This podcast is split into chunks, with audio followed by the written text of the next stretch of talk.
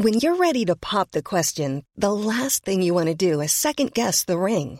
At Bluenile.com, you can design a one of a kind ring with the ease and convenience of shopping online. Choose your diamond and setting. When you find the one, you'll get it delivered right to your door. Go to Bluenile.com and use promo code LISTEN to get $50 off your purchase of $500 or more. That's code LISTEN at Bluenile.com for $50 off your purchase. Bluenile.com code LISTEN.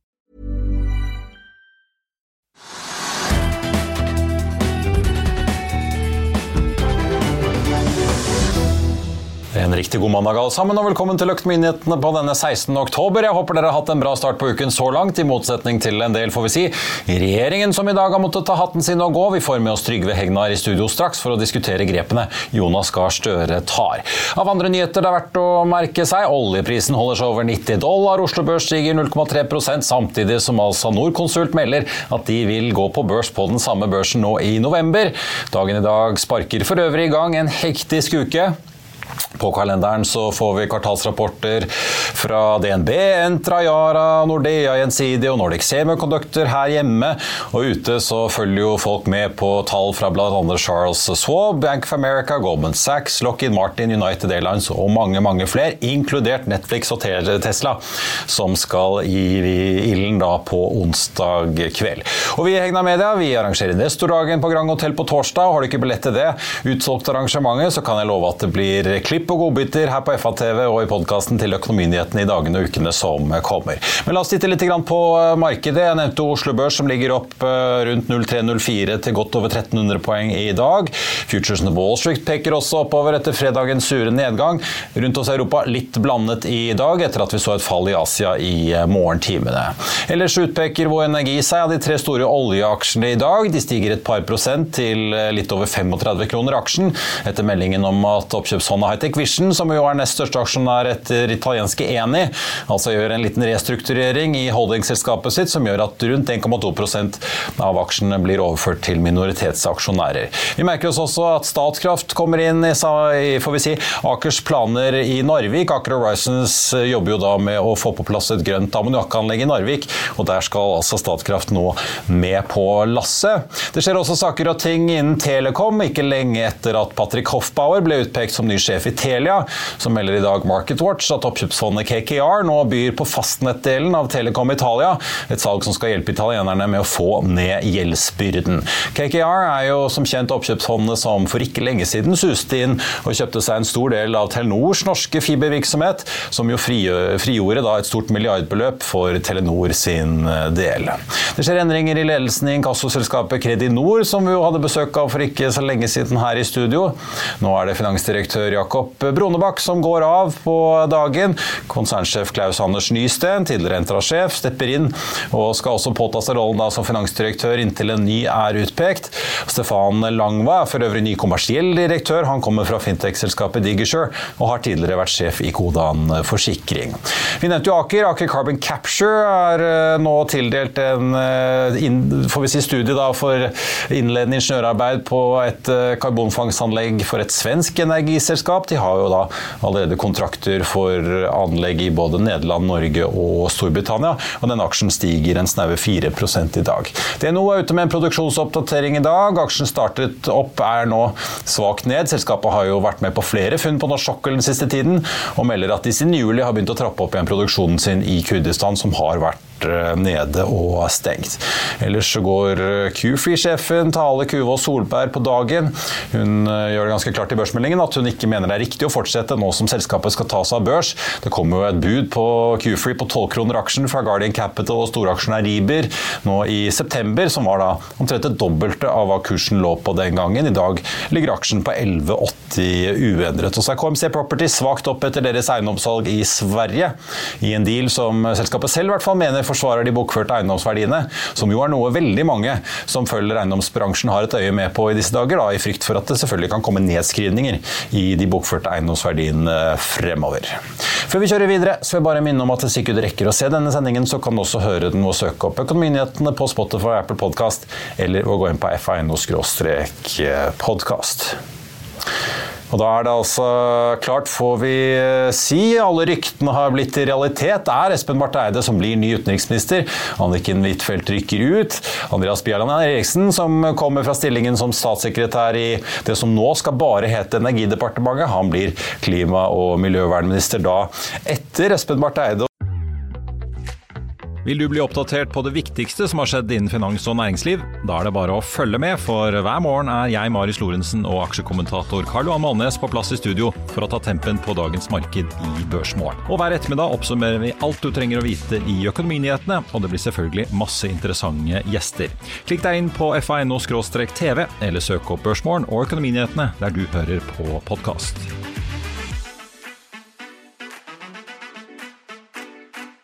Så Trygve får vi også inn eh, Kari Nessa Nordtun, den eh, populære ordføreren fra Stavanger, som til tross for populariteten ikke kan beholde ordførervervet fordi Ap rykker ut av eh, ordførerstolen? Ja, Det er korrekt, men jeg syns det er riktig å se på hele regjeringen. Altså Det som har skjedd nå, er jo at statsministeren sier at nå har han fått et skikkelig godt lag som han skal jobbe med i to år fremover. Det sa han selvfølgelig da han tiltrådte for to år siden. Det sier de alltid. Ja, ja det sier de alltid. Og det som er poenget nå, det er at vi har hatt, har hatt en veldig svak regjering. De som, de som, går ut, altså det er han, han fiskeriministeren Skjæran. Bjørnar Skjæran, som var nestleder i Arbeiderpartiet. Ble avsatt, han ble avsatt som nestleder, og han går nå ut av regjeringen. Uh, hun er Mjøs P Marte Mjøs Persen fra Bergen. ja. Hun var arbeidsminister. Hun begynte som minister for olje og energi. Kunne ingenting. Så ble hun dyttet over da som arbeidsminister. Det var enda verre, kanskje. Og sto midt i strømprisstormen ja. i starten der, ja. Og så har vi Sigbjørn Gjelsvik, som er veldig svak som kommunalminister. Han, han, har fått mye kritikk for at han kysset på en dame på en fest for tre, mange år siden. Men han har ikke gjort noen ting annet enn å forsøke på en måte å forhindre de reformene som Solberg-regjeringen innførte. De har han da liksom jobbet med å reversere på vegne av Senterpartiet. Så det er, det er fire veldig svake statsråder som går ut. Og så hva som kommer inn, det syns jeg er vanskelig å svare på. Altså, en tidligere ordfører i Stavanger høres flink ut. Hun, hun, er jurist og jobbet for, uh, jobbet for uh, det kjente advokatfirmaet Elden i noen år. Mm. Så hun liksom har bakgrunn hos Elden. Det har jo også da justisministeren. Uh, men så, er da, så du kan si at noen veldig svake går ut. og Det, liksom, det, det sier litt om da, hvor god Gahr Støre er. for liksom, Han valgte feil personer, hadde dårlige rådgivere, fikk altfor mye svakere statsråder inn i regjeringen. og Nå går de ut til slutt, da, for nå er det to år, to år, til neste valg. og Nå må liksom Gahr Støre få fart på det, og nå må han ha bedre folk. Om han får det, vet jo ikke vi, for vi har, kjenner jo ikke alle de nye så godt. Men, men, men det er et stort spørsmål. Så det, det du må innlede med, det at nå gikk det Anniken Huitfeldt ut, og det, var for, det, alle hadde den spådommen, og ryktene gikk lenge. Det, så det visste man at ville skje. Og hun ville jo ikke ut. Hun mente at hun gjorde en god jobb som eh, utenriksminister. Og Barth Eide, Espen Barth Eide, som da får den jobben, han er jo ganske god eh, sånn faglig sett. Han har jo da både vært utenriksminister og forsvarsminister, og nå klimaminister. Har vært i game en stund, ja. ja han er hard nøtt, eller ganske sur og grinte. Eh, men han har ikke fått til da på en måte de, de, altså, reduksjonen av CO2-utslipp i Norge Han sånn har ikke blitt som han tenkte. Han har ikke gjort de store tingene. og Det, liksom, det, det er en del skuffelse over han da. Men han får noen store sjanser for å komme tilbake og bli utenriksminister. og den jobben tror jeg kommer til å klare ganske bra. Og så er Anniken Huitfeldt ganske sur. fordi Hun er jo da på en måte satt ut av regjeringen fordi da hun har kommet i samme bås som Erna Solberg. Eh, hun hadde en ektefelle som altså Huitfeldt hadde jo en ektefelle som også da drev med aksjer, som ikke fortalte hva han drev med til ja, Både hun og Erna har jo hatt ektemenn på, som har sittet på kammers og trent ja, vilt. Ja. ja, og han, altså Huitfeldts ektefelle har jo da ikke vært så aktiv som da Sinnes, uh, men, men, han har vært aktiv. Og så har han ikke fortalt noe til kona si, Huitfeldt. Og så har hun da sagt at ja, jeg var inhabil, men jeg visste ikke om at jeg var inhabil, og da kan jeg heller ikke straffes eller klandres for det. Men det er, prinsippet er jo det at man skal, altså man har plikt til som statsråd eller annen stilling. Så man plikt til å skaffe seg kunnskap av de ting som kan på en måte påvirke habiliteten. Så hun hadde egentlig plikt til å skaffe seg innsikt i mannens aksjekjøp og salg, uten at hun noen gang gjorde det, for hun trodde ikke det var viktig. Eller, ja, for er det, holdt jeg på å si, oss som velgere, er det vårt problem at hun ikke vet om det? Nei, nei, det, det Eller Erna, for den saks skyld. da. Ja. Nei, og Det var en av grunnene til at hun måtte gå. Altså, Gahr Støre sier nå det at liksom, de kan ikke sammenligne de sakene. Eh, Solbergs sak er mye større, og det er den. Men i prinsippet er det akkurat det samme. Ektefellene, altså da eh, Solberg og Huitfeldt, fikk ikke den informasjonen de burde fått. og skulle fått fra sine ektefeller. Og det har handlet da i en del situasjoner hvor de har vært inhabile. Åpenbart, og det innrømmet begge to. Så da måtte hun ut, samtidig med at det kan være andre grunner som ikke vi vet om. At hun ikke var sterk nok eller ikke var god nok i Gahr Støres øyne. Men, men, man har nå beredt grunnen for at nå kan noen si det at nå Anniken Huitfeldt gikk av i regjeringen, så må også da Erna Solberg gå av i Høyre som leder. Men det er jo helt forskjellige ting. Ja, fordi Jonas ble spurt om det i dag, og han sa at dette, disse aksjekjøpene til mannen til Anniken Huitfeldt det var en del av begrunnelsen. Ja. Men så avviser han at dette, ved å fjerne henne så åpner Arbeiderpartiet veien for seg selv for å hamre løs på Høyre. Sannsynligvis er det det de tenker, men det er ikke så lett. Altså, man vil kanskje ikke si det, eller? Nei, men Anniken Huitfeldt har jo vært i en situasjon akkurat samme som Erna Solberg. Den kommer hun ikke vekk fra. men Den kan gå ut av regjeringen. Det blir ikke noe bedre eller dårligere av den grunn. Men de vil nok bruke det som argument da, mot Erna Solberg fremover. Men hun, hun har jo valgt av landsmøtet i Høyre. Hun kan ikke gå av før landsmøtet velger henne av. Så hun er ikke en statsråd som frivillig kan gå av når som helst. Du kan jo si selv at hun vil gå av, da. Ja, men da vil det bli på landsmøtet. Da må det ekstra landsmøte, eller på det ordinære landsmøtet. Men når du, er, når du er statsråd, så kan du bare gå av i de øyeblikket statsministeren gir et vink om at nå må du gå ut, så går du av samme dagen hvis du må. Og nå har det gått noen dager før Huitfeldt måtte gå av, men altså det lå i kortene. Og, så de to sakene med Erna Solberg er, de er ganske like.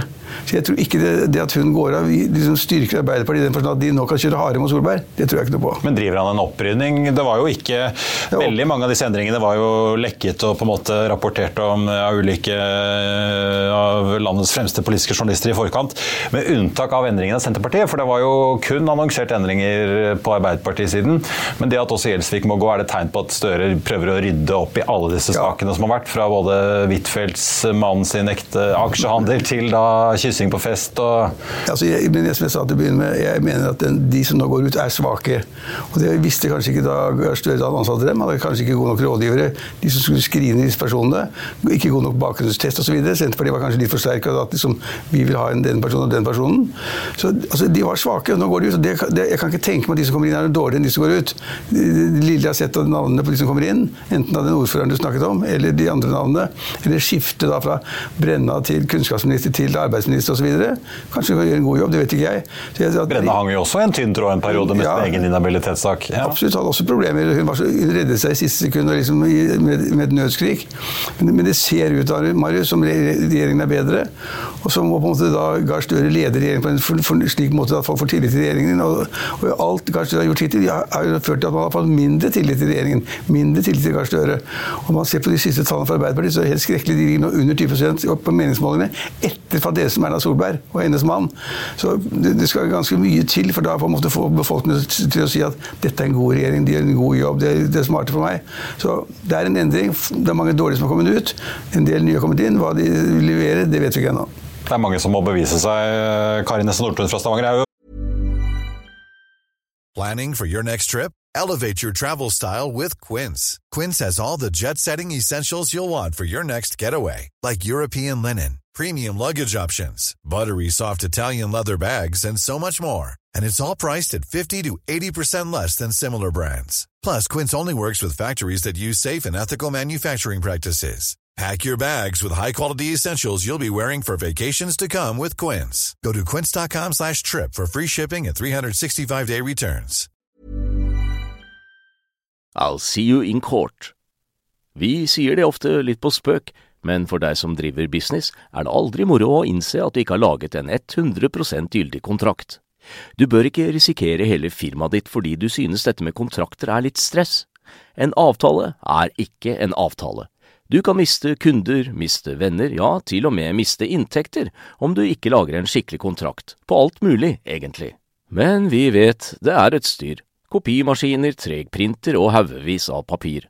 Dessuten stoler vi jo på folk her i landet. Det er ofte litt kleint å skulle be om en signatur for alt mulig, ja, for mye av styret handler også om jakten på underskriften. Det finnes en enkel måte å løse dette på, Dukkobit, en trygg, effektiv og get this, gratis måte å sikre seg en god natts søvn pluss en juridisk bindende avtale. Dukkobit-appen har de strengeste sikkerhetskrav i bunn, samt en EU-godkjent og sertifisert teknologi. Framover vil det bli behagelig å spørre du, skal vi skrive under på det, eller? Kom i gang på dukkobit.no.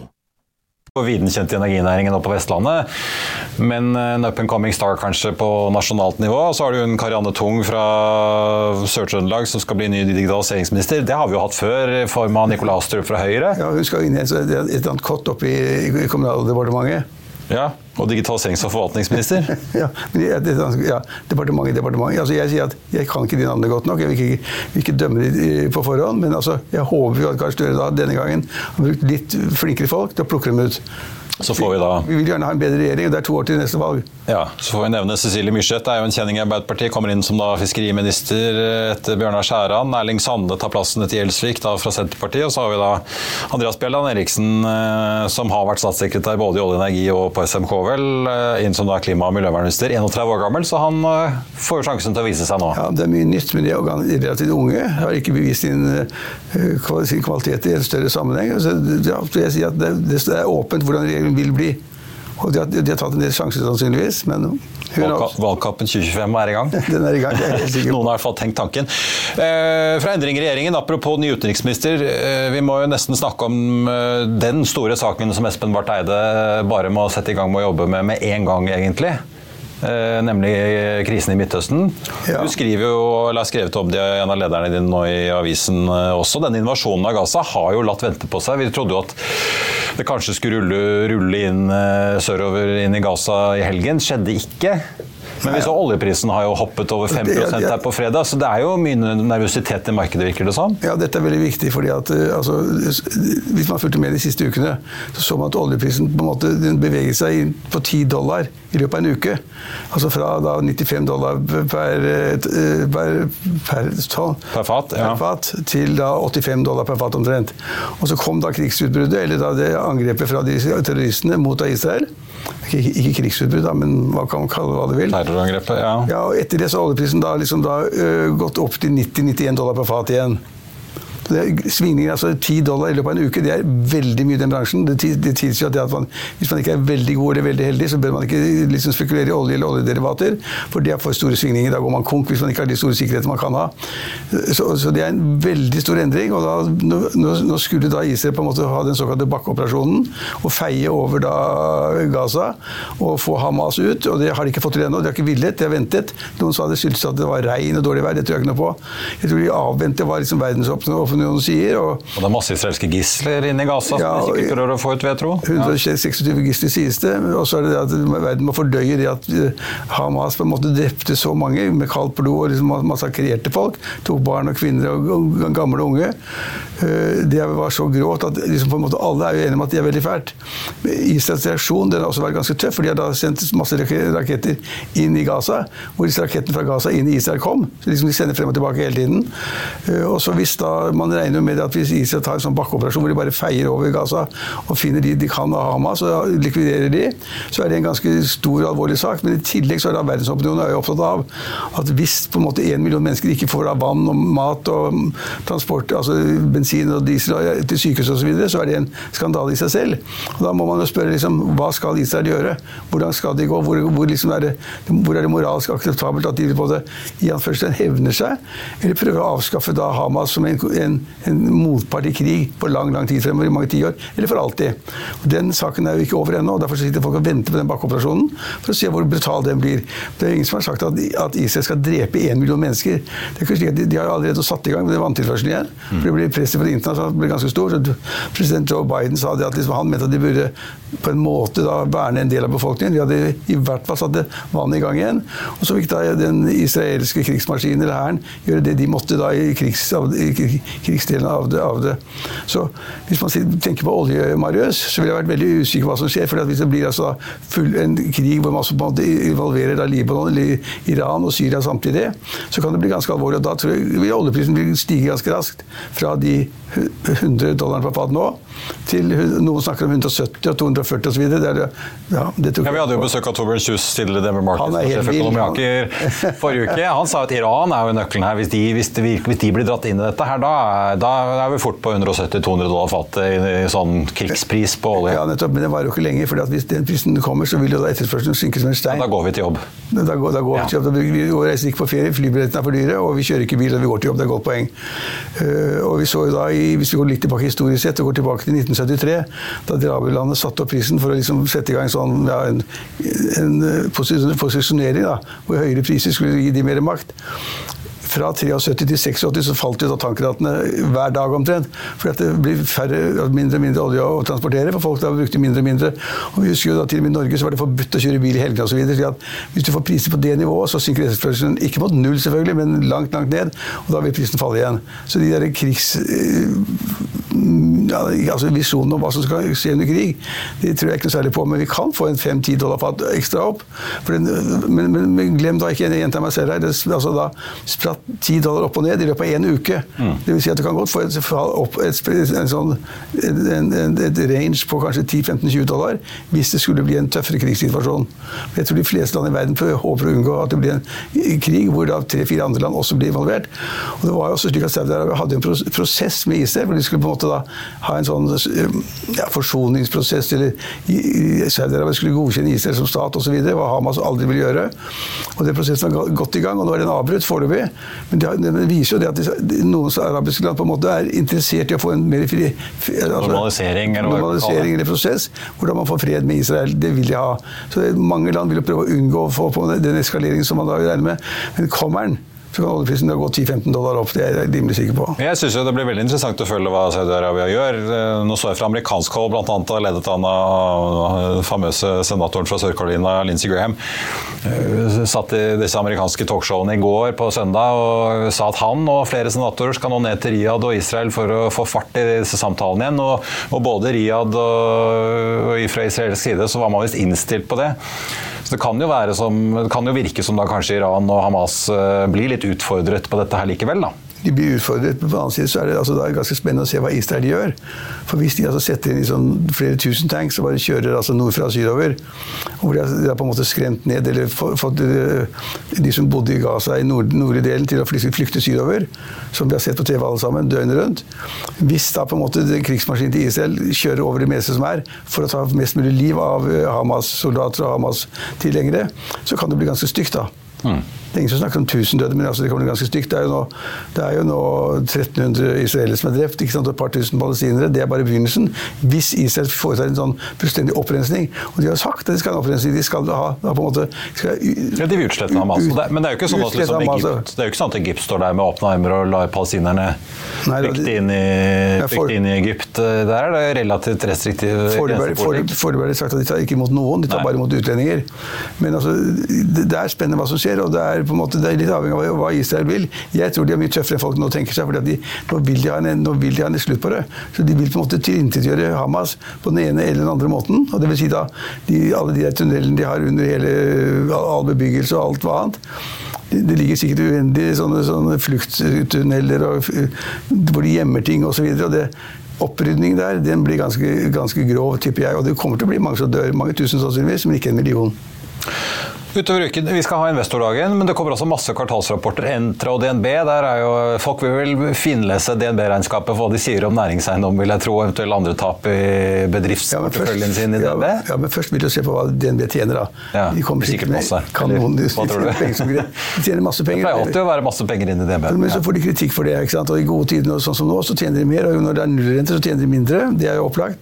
Og så er de flinke til å ta De får få, få tap, taper lite penger, så de, de kommer med kanontall. ikke sant? Og så må så tør de kanskje ikke dele ut mye utbytte som de har tenkt, men det kommer de til å gjøre. De, altså, de skal drives videre, og de, de, gjør en god jobb. Men hvert ord de sier om eh, potensielle tap og avskrivninger, vil jo det vil bli, blir lest uh, både to-tre ganger, tror jeg. Ja, det blir lest med lupe. Det jo, men det er liksom blitt et politisk press mot DNB. Det mener jeg er bare surr. Altså, banken skal jo drives best mulig. Staten er jo liksom en tredjedel. De, de skal drive det best mulig. De skal gi utbytte til deg og meg og til staten, hvis du har aksjer der. Uh, og man kan liksom ikke pålegge bankens ledelse å være dårlig heller. Så har det kanskje sikkert vært litt treige med å få rentene opp på innskudd og, og ta høyere rente på utlån med en gang. Men det er, altså det er marginaler, små prosesser. så jeg de kommer godt, godt resultat, det er bra. Da går det bra for Norge som regel. Hvis det går bra i DNB, så går det som regel bra. Ja, Hvis de skal begynne å ta masse tap i eiendomsmarkedet, f.eks. i en næringseiendom eller boligeiendom, så ville det på en måte ramme aksjekursen og verdien i DNB, men vi, vi ønsker jo ikke det.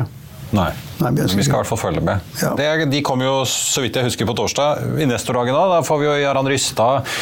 Apropos olje og markedet. Vi får her, Ja, Petter Herman Ruud. ja, men vi får Rys- Rystad. Han er kanskje, kanskje verdens beste konsulent, konsulent på området. Vi kjenner ikke alle, altså, men han er en god kon- kon- konsulent.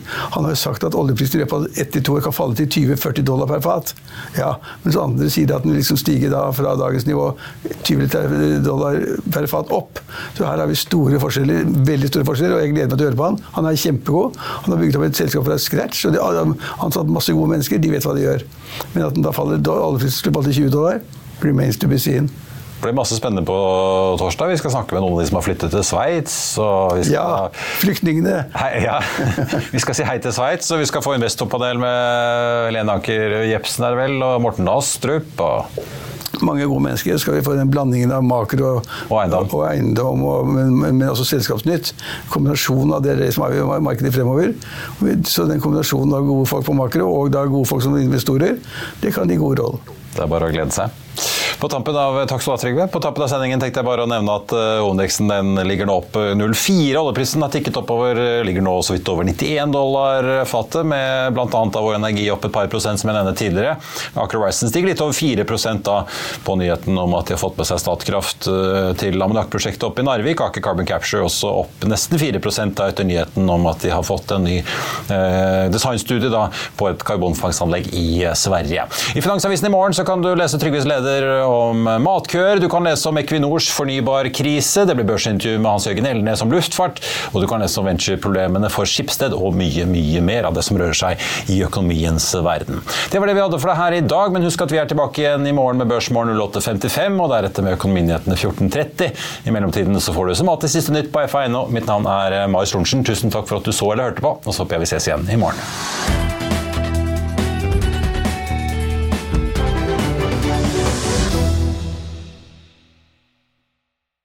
Økonominyhetene er en podkast fra Finansavisen. Programledere er Marius Lorentzen, Stein Ove Haugen og Benedikte Storm Bamvik.